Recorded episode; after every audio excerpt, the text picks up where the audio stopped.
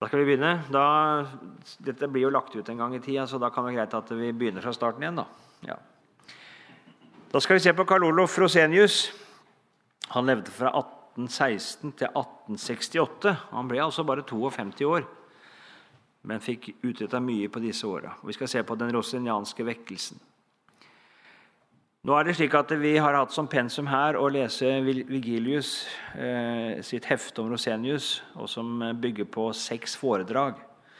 Og Det er et omfang og et, en, en, en, dybde der som ikke vi eh, har, har, plass til. Men jeg vil anbefale absolutt mer å høre på det og lese det enn det som kommer her nå, for det blir bare kort. Eh, jeg skal ikke gjenta alt, og vi skal bare ta noen, noen, noen korte linjer. Rosenius sin far Anders han var et barn av det såkalte nyleseriet i Nord-Sverige. Han var prest. Og Fra rundt 1800 så hadde det slått igjennom i menigheten gjennom byabøner. Husmøter og samlinger uten prest. Og Her var det oppbyggelsesbøker og salmesang. Eh, nyleseriet skiller seg fra gammelleseriet ved at man ikke nå lenger leste de gamle pietistiske bøkene, bl.a. Johan Arnt, men leste helst Luther. Det var Luthers kirkepostille, og det var Galaterbrevskommentaren som var hovedbøker. Nordborg, Anders Nordborg ble nok også lest. Og Her var det da sjelesørgere, predikanter, ikke prester, ikke noen med teologisk utdannelse, men enkle, vanlige menn som dro på oppfordring ut for å forelese Luther på byabønene. Man leste opp, men det var nok også slik at man brukte egne ord i tillegg.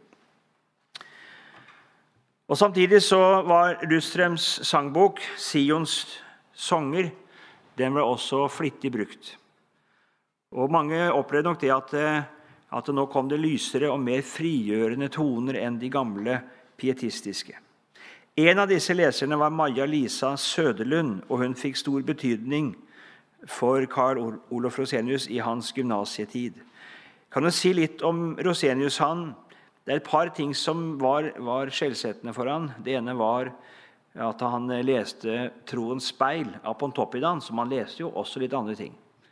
Og det, når han tok den boka og skulle gå opp for å lese den på sitt rom, så var det med litt sånn ja, eh, hovmot og litt sånn at han gjorde litt narr av på en måte både tittelen Han skulle opp og speile sin tro. og og så ble det til en veldig gjennomgripende på en måte, erfaring å lese den. Han ble vakt ved å lese den boka. Seinere kom han inn i en ganske, i gymnasietida og kanskje mens han studerte teologi, inn i en veldig krise. Han, eh, han begynte å tvile på, på, Guds eksistens. Han begynte å tvile på det aller meste. Og I denne perioden hele veien så brevveksla han med Maja Lisa Søderlund. Så hun var han til stor åndelig hjelp. Han begynte også selv å, å, å vitne om evangeliet da i små samlinger hjemme. Og Så dro han da til Uppsala for å studere teologi. Og det, det gikk ikke så bra. Det, det, var noe han ikke var komfortabel med, og som han slet mye med. Og I denne tiden så kom han i kontakt med metodisten George Scott. Og Han var da, eh, dette hadde vært, eh, han var ikke den første, det var andre som hadde sendt tidligere til Stockholm eh, skotske misjonærer eh, som skulle altså drive traktatmisjon. Og, og Georg Scott kommer inn i det arbeidet i Stockholm. Han var en vekkelsens mann og ønsket å bygge opp en virksomhet som kunne bli et slags samlingspunkt også for de innfødte, altså for svensker. Og Etter å ha hjulpet Rosenius da i en tvilskrise så skjønte han at den unge nordlendingen han hadde Norrlendingen heter det ikke nordlendingen, men norrlendingen. Han hadde forkynnergave. Og Rosenius han brøt av teologistudiet. Det hadde han egentlig vært innstilt på over litt lengre tid. Eh, han så ikke for seg å bli prest i den svenske kyrkan. Det var jo blant engelske metodister Scott egentlig skulle virke. Men han fikk altså, det, ble også en virksomhet som eh, nådde videre ut, også til de eh. Tidlig i 1842 så startet Scott månedsmagasinet Pietisten. Eh, og så får ikke Scott gjort så mye mer. Han, eh, det er jo en konventikkelplakat som gjelder i Sverige. Og det er ulike ting som gjør at han rett og slett må reise fra landet. Han er ikke godkjent lenger av myndighetene og må forlate Sverige. Ble forfulgt av aviser og mobben og, og flykter nærmest altså fra landet. Men han sørger da for at Rosenius går inn i arbeidet. Både forkynnervirksomheten og tar over redaksjonen av bladet Pietisten. Og Det er støttet fra eh, USA. Eh, og Etter hvert så får bladet altså helt, helt, eh, hele 12 000 abonnenter. Ikke med en gang, men, men det vokser etter hvert til det.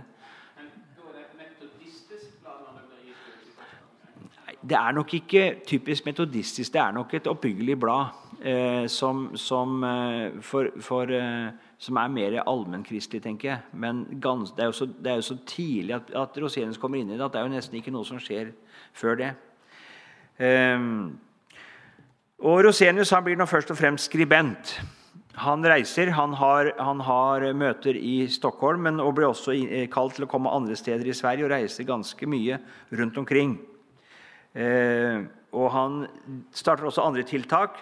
Han eh, blir direktør for, for Misjonstidningen. Jeg har ikke nevnt det lenger ned her, men, men eh, Rosenius er jo ganske opptatt av misjon. Han blir jo en av de som tar initiativ til å bli med i ledelsen fra, for EFS, Evangeliska Fosterlandsstiftelsen, som starter misjon. Eh, og, og sender bl.a. ganske tidlig ut misjonærer til, til Etiopia. Det er nok eh, etter Rosenius sin tid at det ordentlig kommer i gang. Men han er altså ivrig med i EFS sin start. Eh, jeg kan si det, bare si litt om dette her, at Rosenius han, eh, han er ikke en som på en måte eh, har noe voldsomt sterkt lekmannssyn. Det har han ikke. Han er jo et prestesønn, og han er Han tiltar seg aldri det å preke. Men hvis han blir kalt av en forsamling eller kalt av noen kristne, så kommer han. Men han, men han må være kalt. Men han behøver ikke være ordinert. Han bør ikke være kalt av en prest. Det holder å bli kalt av en flokk troende som vil høre. Så Sånn sett har han et lekmannssyn, men han er, han er, veldig forsiktig. Og han utfordrer, uh, veldig forsiktig med å utfordre på en måte prestens stilling, og, og er ikke en hauge. Det er han ikke i sitt syn. Uh, hans teologiske profil Det er ikke tvil om det at pietismen hadde, hadde som, I Sverige som i Norge så var det mange som slet eh, og strevet med å, å finne troens rette kjennetegn og, og få på en måte saliggjørelsens orden til å lykkes. Altså å komme igjennom til, til eh, klarhet i sitt gudsliv. Og Det hadde de opplevd i nordlandsleseriet der, så nyleseriet, at Luther ble til stor hjelp. Og Rosenius han eh, forkynner jo da lov evangelium på luthersk vis. La vekt på synden, arvesynden og syndens følger i menneskelivet. Og konkretiserte ofte veldig treffende hvordan synden ytrer seg. Også under et ytre fromt skinn.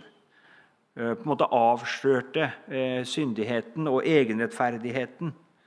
Eh, og så malte han Kristus for leseren forsoningsverket, det som har skjedd utenfor mennesket, og som løser mennesket fra alle krav og gjerninger fordi det er oppfylt i en annen, og som setter fri fra syndens skyld og fra Guds rettmessige fordømmelse. I møte med pietismens nådens ordning, som det heter på svensk Vi sier gjerne eh, saliggjørelsens orden, eller latin 'ordo salutis'. Altså det er eh, ikke sant, Du skulle oppleve kall, en anger. Du skulle inn i en, en eh, Pietistene hadde jo på mange måter noen stadier eh, som du skulle gjennom. Jeg vet fra, fra bedehuset i Sandefjord, som var haugiansk, og der kom det haugianske predikanter. Og, og De kunne si det, ikke sant? De gjennomgikk gjerne med fra sin egen erfaring. Og så var det en som hadde han hadde, han hadde glemt et ledd. Nå må jeg gå tilbake, for han, han måtte få med seg alle leddene. For det var på en måte det ble mer som et, et skjema du skulle gjennomleve. Så man kunne forkynne i og for seg evangeliet også, ganske fint om hva Jesus hadde gjort. Men så var det 'før dette kan bli ditt'. Og så kom det gjerne da en, en skjematisk framstilling om hva du måtte gjennomleve. Eh, før du var der at dette kunne bli ditt. Og så lukket man på en måte igjen nådens dør. Den var ikke åpen for alle.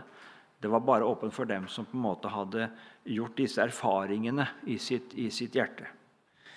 Eh, jeg vet ikke det var, om det var på den måten det ble forkynt i Sverige. Chartau ligger jo litt på den linja der. Eh, men iallfall så var den, den, kampen der det var mange som strevet med. Og så holdt Rosenius fram de objektive frelsesgjerningene, hva som var gjort utenfor dem i Kristus, og forkynte at de kunne få venne seg til Han i sin nød, i all sin skrøpelighet. En fikk komme som en er. Det var jo gjerne et ord som ble, Rosenius ble kritisert for, denne forkynnelsen, samtidig som var til glede for mange. At en fikk komme slik som en er. Ikke sånn som en burde være, men slik som en var. Å finne alt det en trenger til liv og salighet i Jesus. Lina Sandell hun var jo på mange måter rosianismens sanger.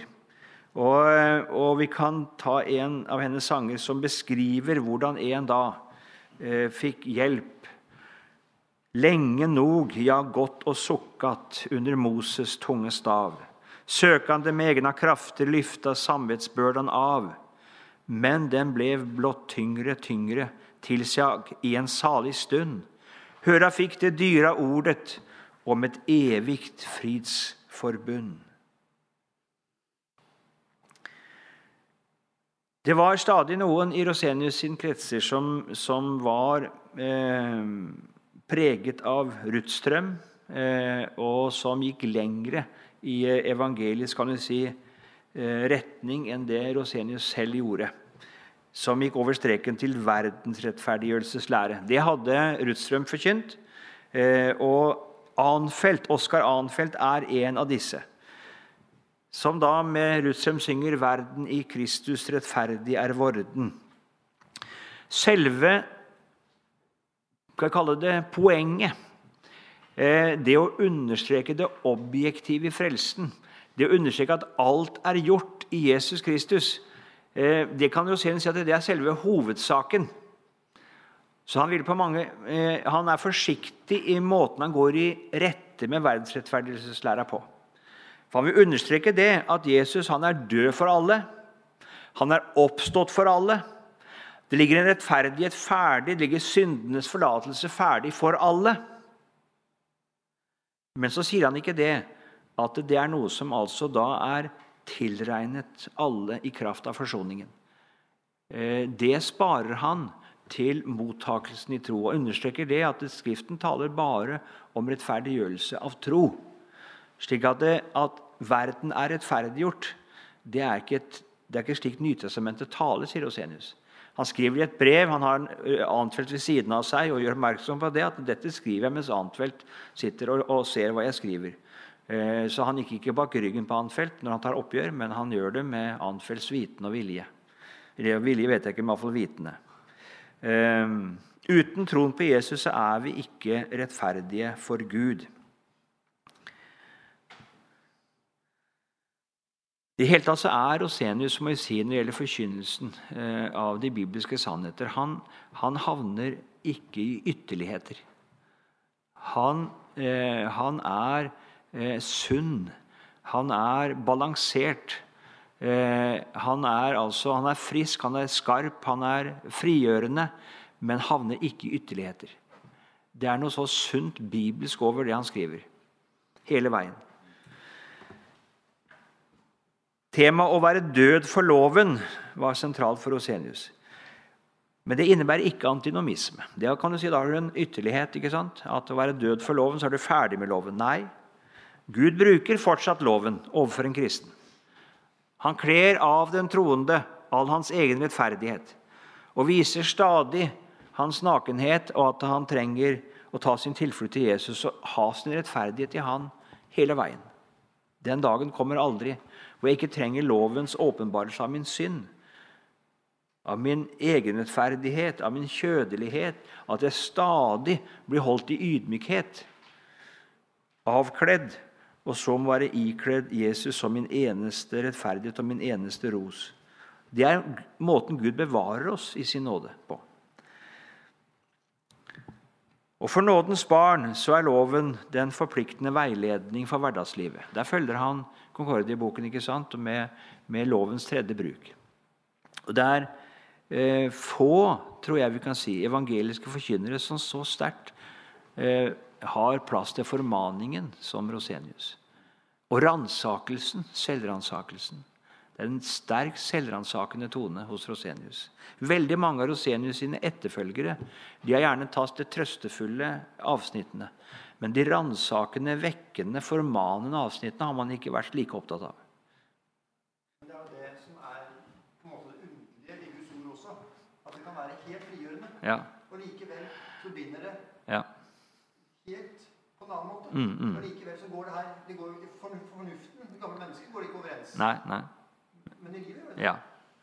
At man samtidig kan være eh, altså virkelig frigjort i sin samvittighet og, og oppleve en fantastisk eh, glede over frelsen, over det, eh, den frie nåde. Og samtidig så virker det ikke løssluppenhet. Men, men Guds ord også er slik at det binder meg til, altså, til en, til en eh, Det er først nå et menneske altså virkelig blir bundet til Jesus og hans, hans ord og bud. Ja. Eh, er er er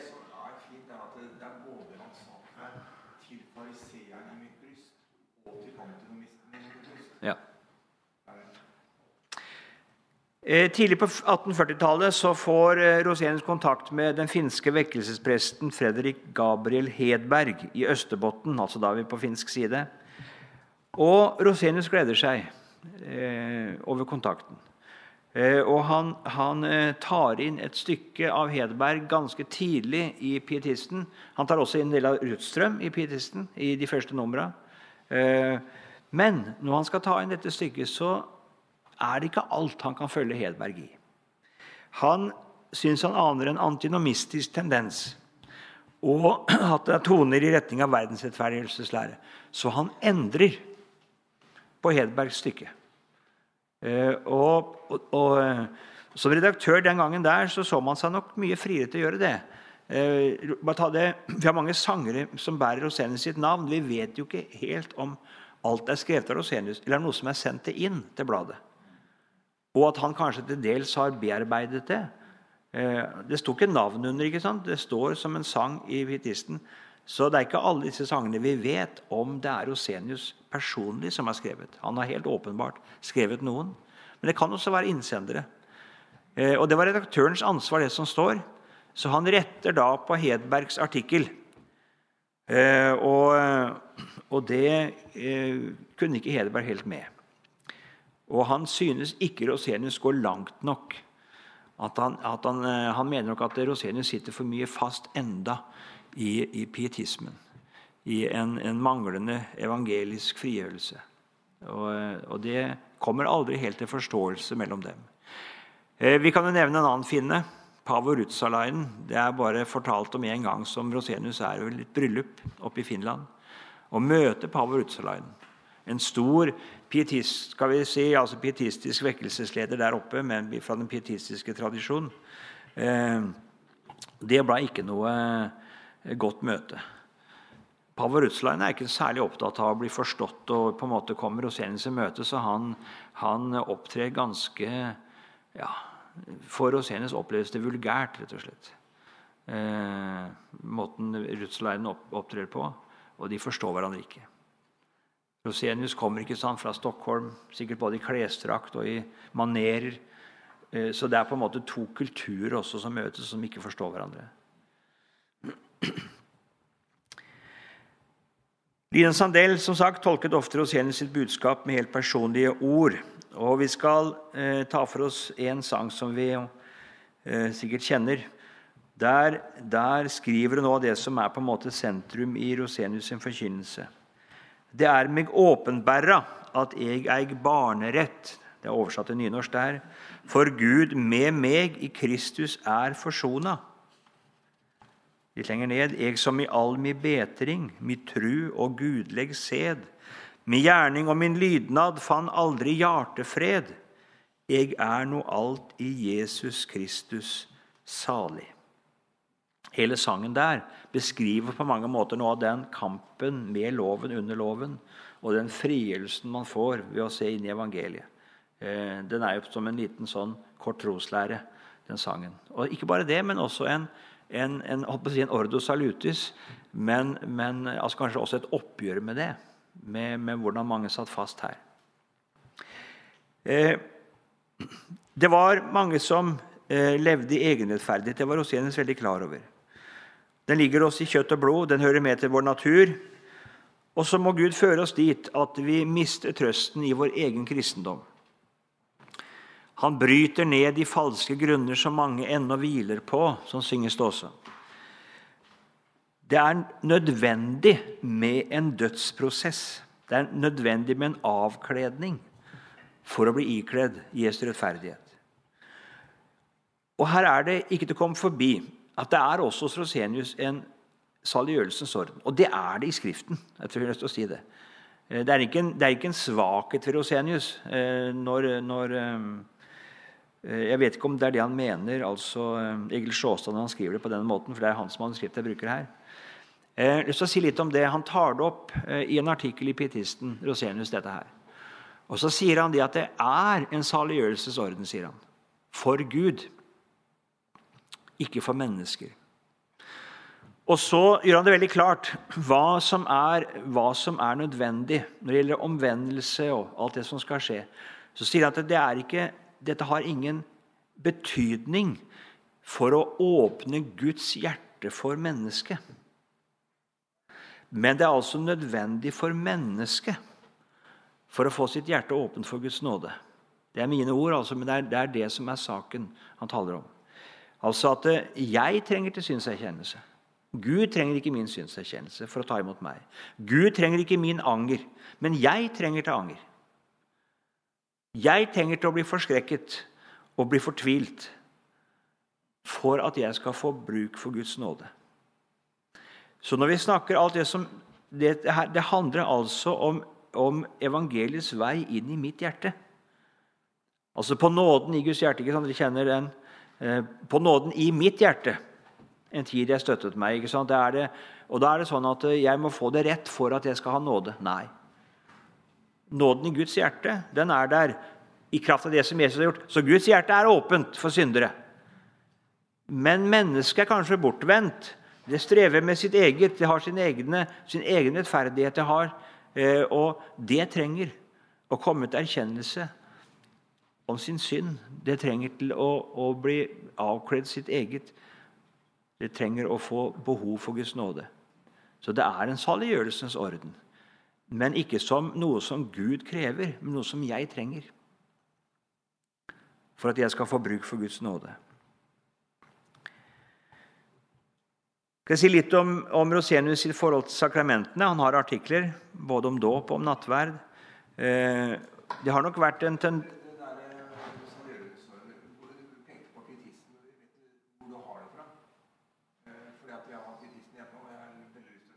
Altså Hvis du har Rosenius sine samlede verker, så står det i bindet jeg tror det er det bind nummer én, som heter 'Omvendelsen'.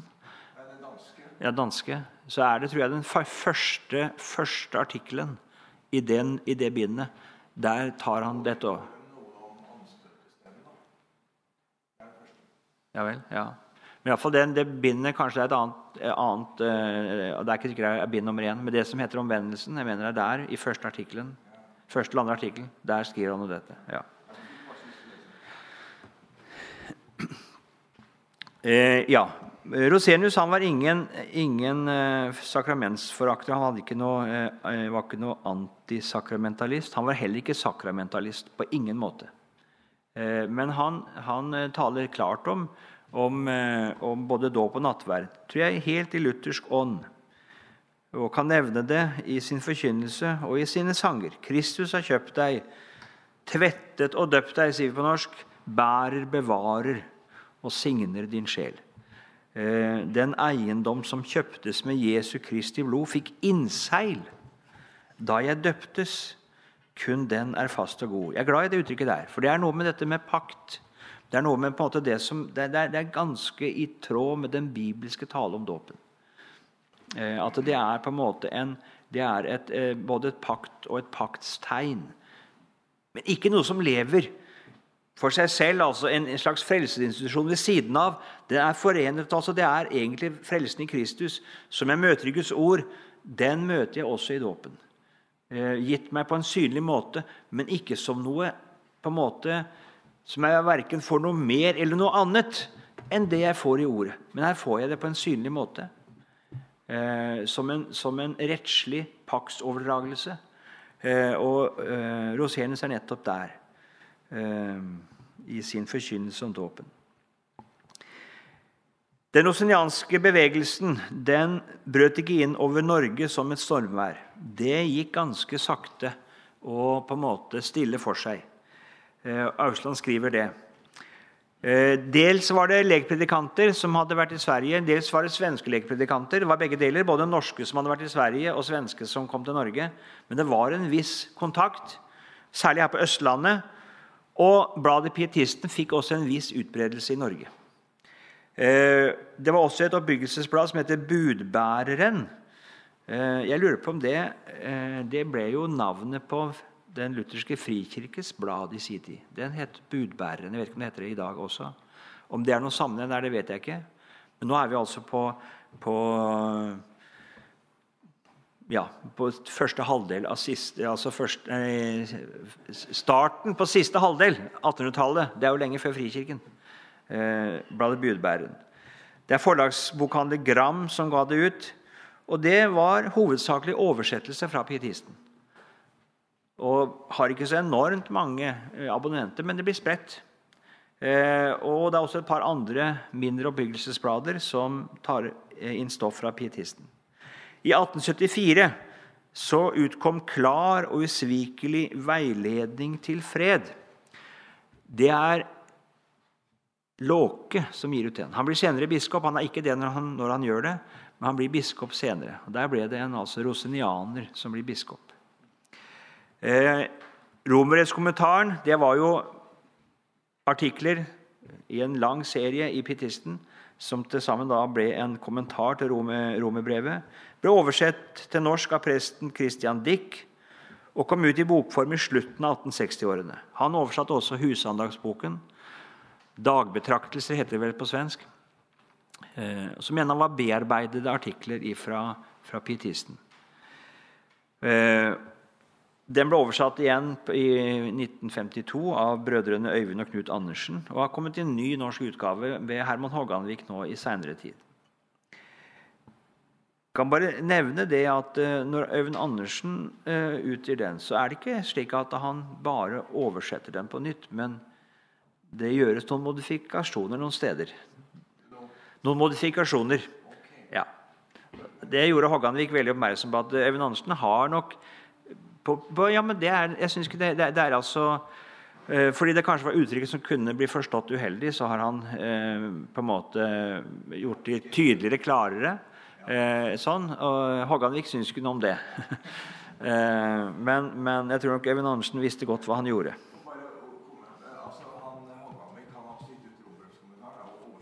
Ja. Og det som er interessant, er at de kan ha lest inn den på, på bånd. Ja. På, på CD. Og nå tror jeg den ligger på app. Husandaktsboka er, når den kom ut i sitt 17. opplag, så var den trykt på norsk i 120 000 eksemplarer. Det er, eh, det er ganske betraktelig. Eh, det er det. Og det var en rekke norske predikanter som mottok avgjørende impulser fra Rosenius sin forkynnelse. Hvis vi tar litt av de lutherske lekmannsorganisasjonene Om du tenker Kinamisjonsforbundet, Indremisjonsforbundet, eh, Indremisjonsselskapet, det som er Nora Nordmisjon Alle disse her eh, hadde predikanter som var sterkt preget av den osinianske forkynnelsen. Det var noe som var felles for de, for de eh, lutherske vekkelsesbevegelsenes predikanter. Eh, alle var mer eller mindre påvirket av Rosenius. Han ble i sin samtid anklaget for å være ensidig. Han forkynte for fritt. Det ble for lite eh, alvor og helliggjørelse. Og I Norge lød denne kritikken fra haugiansk hold.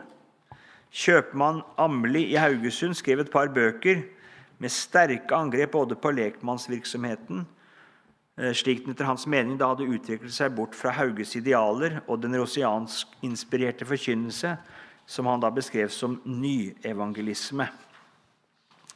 Eh, jeg skal nevne litt mer der. at eh, vi hadde også en som heter Stor-Johan, som, som, skriver.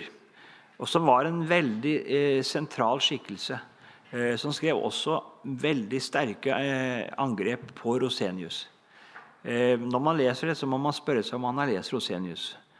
Og Det er noe som kjennetegner den haugianske kritikken, den, for den har vært helt opp til våre dager. En voldsomt sterk kritikk av Rosenius og hans forkynnelse. Eh, det er stort sett avskrift av Store-Johan. Og man har stort sett ikke lest Rosenius, for det skulle man ikke gjøre. Det var på en måte, det var vrang lære.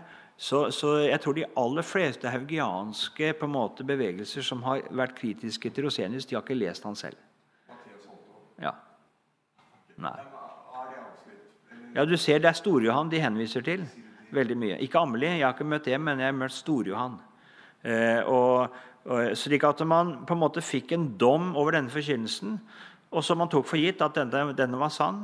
Eh, og, så, og, så, eh, og, så, leser man ikke sjøl. Ja. Ja, ja. Altså, det er, det er, eh, det er, Sånn er det.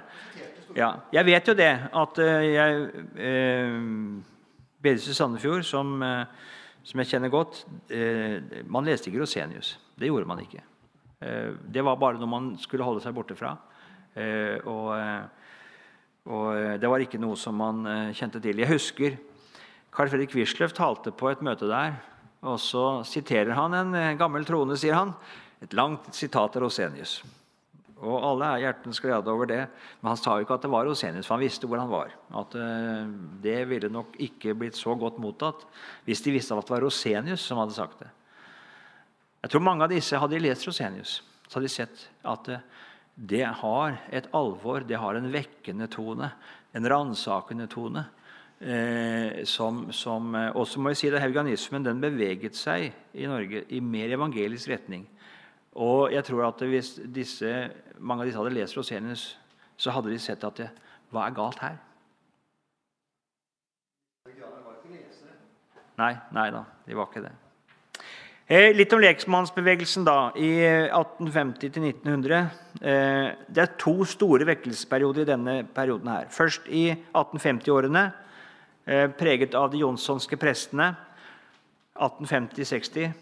Og så kommer den andre store vekkelsestiden i 1870-1880-årene, eh, preget av lekpredikanter.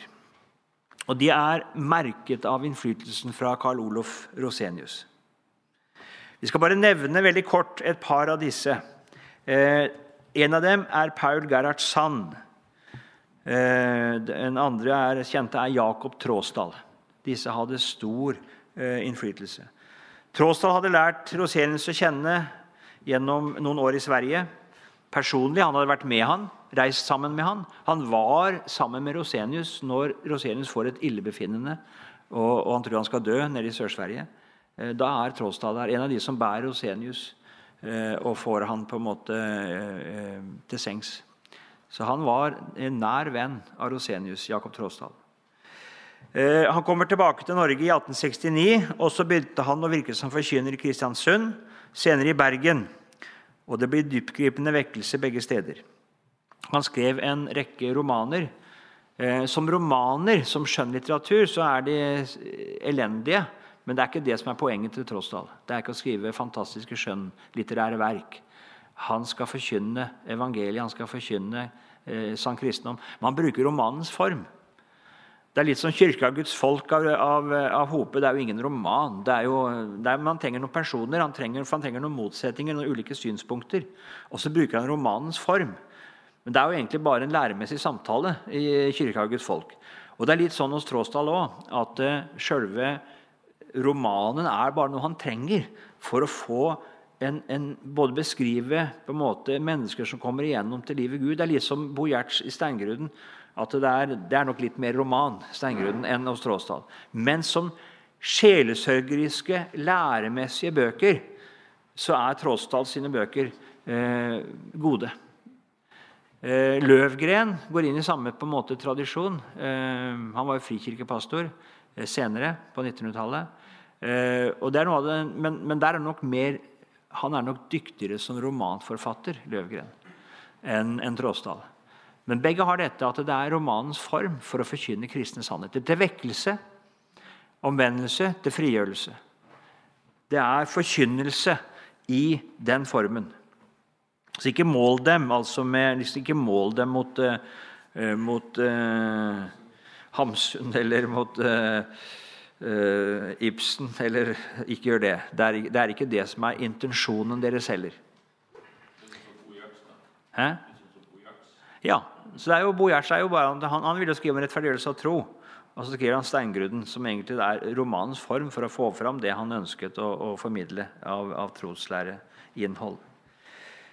Per Gerhard Sand var også aktiv som forfatter og forkynner og hadde stor nådegave til å tale Guds ord. Det ble sagt at det var sandstorm der han var. Eh, det, det, var, det ble altså et vek, veldig vekkelsens vårvær der Sand dro fram. Og, eh, hadde stor eh, innvirkning, ikke minst på Sunnmøre virket han mye sand. En tredje sentral rosiniansk vekkelsespredikant var Tormod Rettedal, som ble også redskap til store vekkelser. Han var sentral ved stiftelsen av Kinamisjonen også. Nå ble Sand og enkelte av de rosenianske lekpredikantene anklaget for å være nyevangelister. Det var det Store-Johan skrev. ikke sant? Det var mot nyevangelismen. Og For dem var nyevangelismen det var et enhetlig begrep. Det var det nok også til dels i Sverige, hvor rosenianismen kunne bli kalt nyevangelismen. I Norge har vi imidlertid eh, prøvd å skille. Vi skiller mellom den rosenianske forkynnelse og den nyevangeliske. Med nyevangelisk forkynnelse så, så, tenker vi på de som lærer verdensrettferdiggjørelse. Det har vært vanlig i Norge. Bare så klar over det. Eh, Sand avviser derfor anklagen. Eh, jeg skal sitere fra, fra, fra Wisløff her, som sier det at uh, Nyevangelismen er navnet på en ekstrem retning som forkynte verdensrettferdiggjørelse. Det vil si at Gud hadde tilgitt alle mennesker deres synder i den stund Jesus døde. Alle syndere er tilgitt, det gjenstår bare at den åpner øynene og tar det til seg. Retningen skjelner med andre ord ikke mellom forsoning og rettferdiggjørelse. Det bibelske rette er at forsoningen er fullbrakt. Jesus har båret straffen for alle våre synder. Men rettferdiggjørelsen skjer her og nå, når synderen kommer til troen. Da får han barnekår Gud. Nyevangelismen blander disse ting sammen. I denne mening er Rosenius ikke nyevangelist. Det står vel da hos eh Ausland, egentlig, og sitert av, fra Wisløff. Carl Fredrik Wisløff. Eh, bare eh, si litt om det. Eh, hvilke følger det fikk for forkynnelsen.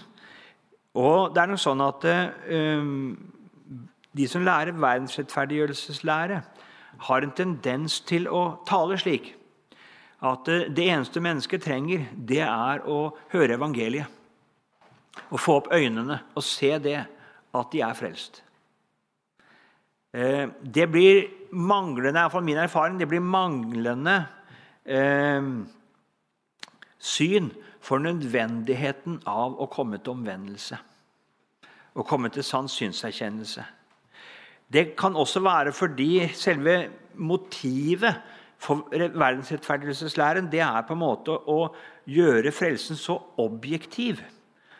Legge den så utenfor mennesket at alt dette snakk om det å komme til en sann omvendelse og sann tro, på en måte at det, det blir nulla ut.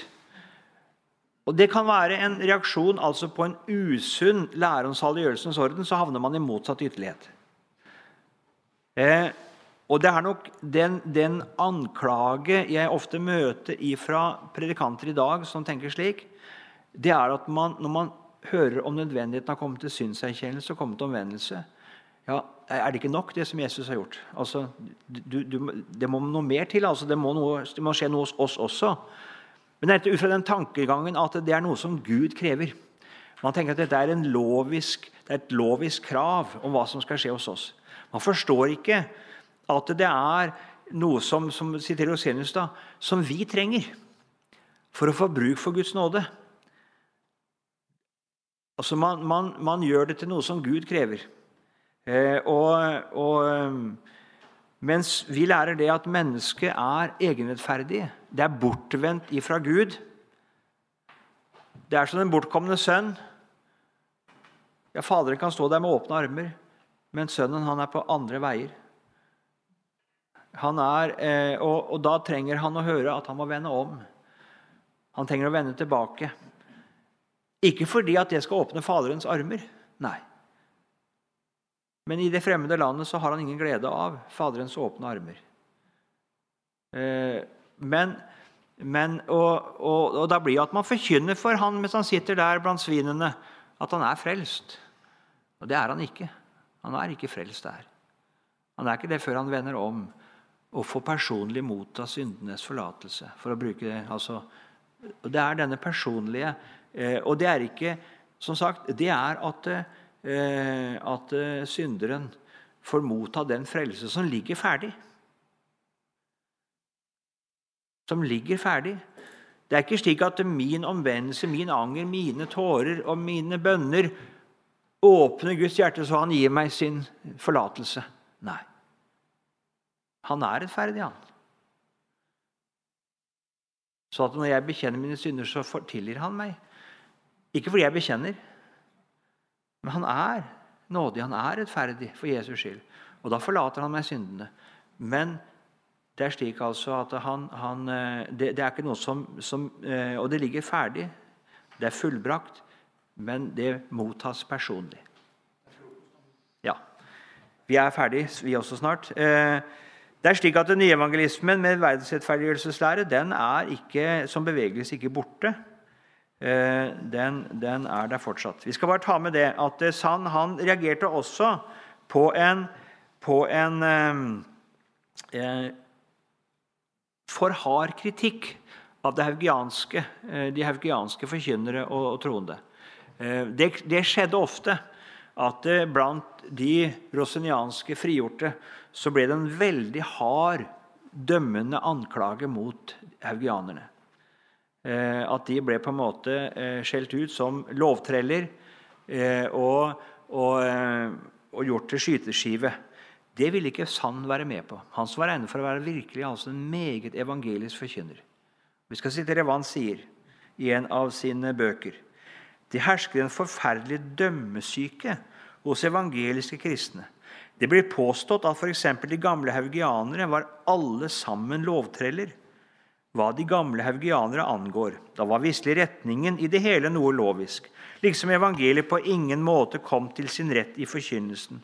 Men størstedelen av dem levde visselig på nåden i Kristus. De tok det strengt med sin helliggjørelse og stred mot synden. Dette hadde til følge at de ble utmattet og tømt på sitt eget, og ble nødt til å henge fast ved ordet om den frie nåden.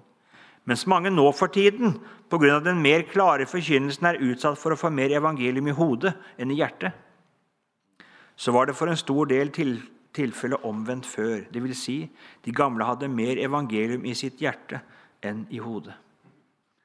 Det er jo en ganske altså det, er vel, det er fantastisk av en som var på en måte virkelig fikk være til frigjørelse.